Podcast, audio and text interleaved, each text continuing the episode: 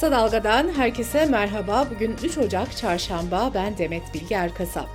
Gündemin öne çıkan gelişmelerinden derleyerek hazırladığımız Kısa Dalga bültene başlıyoruz. Yüksek Seçim Kurulu Başkanı Ahmet Yener, 31 Mart yerel seçimlerine 36 siyasi partinin katılacağını açıkladı. Seçim takvimine göre seçmen listeleri 4 Ocak'ta askıya çıkarılacak ve 17 Ocak'ta askıdan indirilecek. Duruşma tutanağından yaptığı haber nedeniyle tutuklanan Gerçek Gündem editörü Furkan Karabay'ın avukatları tutuklama kararına itiraz etti. Dilekçede Karabay'ın en üst sınırdan ceza alsa bile bir gün bile hapis yatmaması gerektiği vurgulandı. Kobani davasında savunma yapan HDP'nin eski eş genel başkanı Selahattin Demirtaş, savunmasını geçtiğimiz günlerde yitirdiği babası Tahsin Demirtaş'a ithaf etti. Mahkeme heyeti de Demirtaş'a başsağlığı diledi. Bu arada Demirtaş'ın eşi Başak Demirtaş da sosyal medyadan organize biçimde cinsiyetçi saldırıya maruz bırakıldı. Avukatları suç duyurusunda bulunacaklarını açıkladı. Kadın Cinayetlerini Durduracağız platformu 2023'te 315 kadının erkekler tarafından öldürüldüğünü açıkladı. Rapora göre öldürülen 28 kadının koruma kararı vardı. İçişleri Bakanı Ali Yerlikaya, Antalya merkezli 3 ilde düzenlenen Kafes 27 operasyonunda Şahinler çetesinin çökertildiğini açıkladı. İsrail İstihbarat Servisi için Türkiye'deki yabancılara yönelik casusluk faaliyeti yürüttüğü iddiasıyla 33 kişi gözaltına alındı.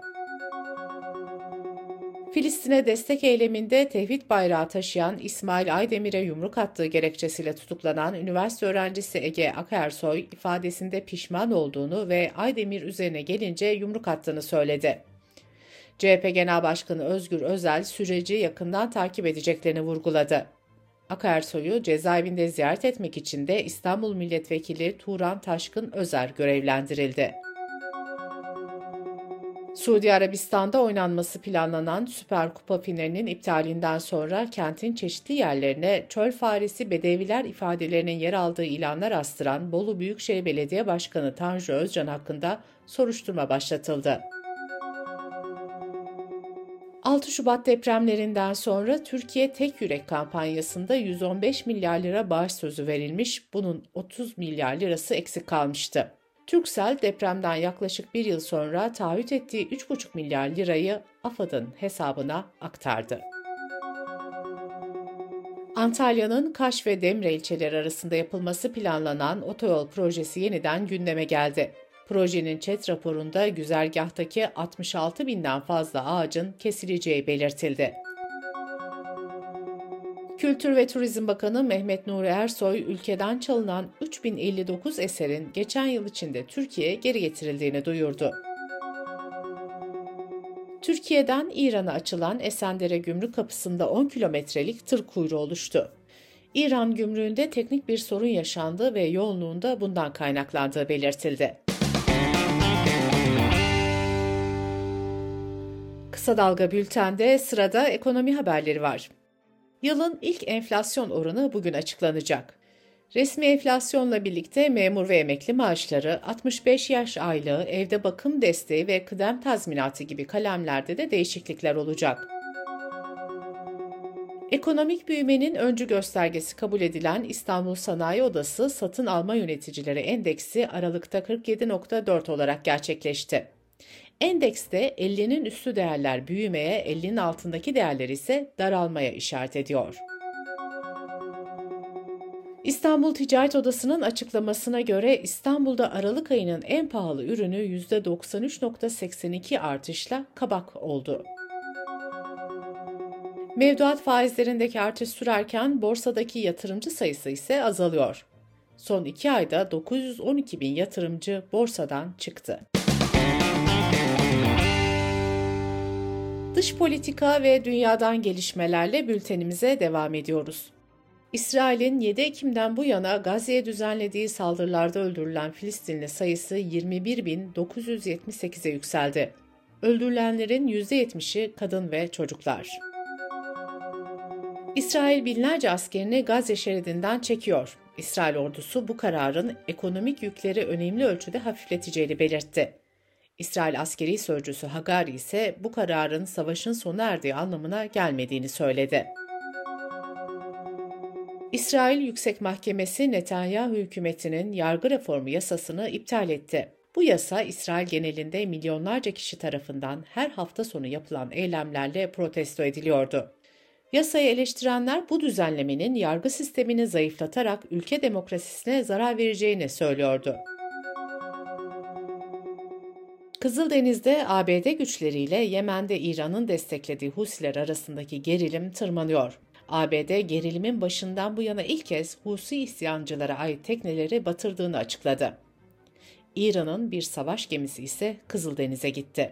İran'ın desteklediği Husiler 31 Ekim'den bu yana İsrailli şirketlere bağlı ticari gemilere el koyuyor ve bazılarına da saldırılar düzenliyor. Japonya'da yeni yılın ilk günü meydana gelen 7.6 büyüklüğündeki depremde en az 48 kişinin hayatını kaybettiği açıklandı.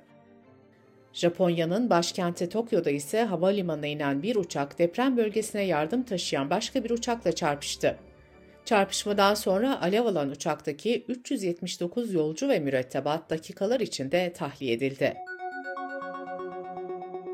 İran'ın BRICS üyeliği resmi olarak başladı. BRICS'in dönem başkanlığını yapan Rusya lideri Putin gruba daha fazla destekçi çekeceklerini söyledi. BRICS'i Brezilya, Rusya, Hindistan, Çin ve Güney Afrika bir araya gelerek oluşturmuştu. Grup adını da bu ülkelerin baş harflerinden alıyor. Suudi Arabistan, Birleşik Arap Emirlikleri, İran, Mısır, Arjantin ve Etiyopya topluluğa katılmaları için davet edilmişti. Yeni yılda Avrupa Birliği Konseyi dönem başkanlığını Belçika devraldı. Haziran ayındaki Avrupa Parlamentosu seçimleri Belçika'nın başkanlık döneminde gerçekleştirilecek. Güney Kore'de ana muhalefetteki Demokratik Parti'nin lideri Lee Jae-myung basın toplantısı sırasında boynundan bıçaklandı. Nobel ödüllü ekonomist Muhammed Yunus'a Bangladeş'te 6 ay hapis cezası verildi. Uluslararası alanda yoksulların bankacısı olarak tanınan 83 yaşındaki Yunus, mikrofinans kredi sistemini kurmasıyla tanınıyor. Avukatları Yunus'un iş kanunu ihlalleri ve yolsuzluk gibi yüzden fazla suçlamayla karşı karşı olduğunu söylüyor. Profesör Doktor Yunus'u destekleyenler ise davanın siyasi amaçlı olduğunu belirtiyor. Danimarka Kraliçesi 2. Margaret tahttan feragat edeceğini duyurmuştu. Kraliçenin yerine oğlu Prens Frederick geçecek. İngiltere Kraliçesi 2. Elizabeth'in ölümünün ardından Danimarka Kraliçesi'nin de görevden çekilmesiyle Avrupa'da hükümdarlık koltuğunda oturan kadın kalmadı. Bültenimizde şimdi de kültür, sanat ve yaşamdan haberler var. Cemaatler tarafından hedef gösterilen, Rütük tarafından da ceza verilen Kızıl Goncalar dizisi Fatih'teki çekim mekanını değiştirdi. Dizi mekanları Beykoz Kundura Fabrikası'na taşınacak. Aile ve Sosyal Hizmetler Bakanlığı ile Kültür ve Turizm Bakanlığı iki mekandaki çekim iznini iptal etmişti. İngiltere'de yapılan araştırmalar koronavirüsün yeni varyantı JN.1 ile ilgili yeni sonuçlar ortaya çıkardı. Buna göre bu varyantın diğer varyantlardan farklı olarak uyku güçlüğü ve anksiyete gibi sorunlara yol açtığı tespit edildi. Baltık ülkesi Estonya'da LGBTİ artı çiftlerin evlenmesine izin veren yasa yürürlüğe girdi. Dünyanın en riskli ve en güvenli ülkeleri açıklandı. Uluslararası SOS şirketinin araştırmasına göre en güvenli ülkelerin başında Danimarka geliyor. Liste İsviçre, Norveç, Lüksemburg ve İzlanda diye devam ediyor. En riskli ülkeler ise şöyle: Güney Sudan, Afganistan, Suriye, Libya ve Somali. Uluslararası Enerji Ajansı raporuna göre 2030 yılı sonuna kadar dünyadaki elektrikli otomobil sayısı 10 kat artacak. 2030 yılına gelindiğinde dünyada satılan araçların %60'ından fazlası elektrikli olacak. İtalya'nın en yaşlı adamı olan Tripoli Giannini 111 yaşında öldü. Giannini, uzun yaşamanın sırrının hafif beslenmek, stresten uzak durmak ve sigara içmemek olduğunu söylemişti. Bültenimizi kısa dalgadan bir öneriyle bitiriyoruz. Yeşim Özdemir'in hazırlayıp sunduğu Kadınlar ve Kurabiyeler podcast serisinin dördüncü bölümünü kısa dalga.net adresimizden ve podcast platformlarından dinleyebilirsiniz.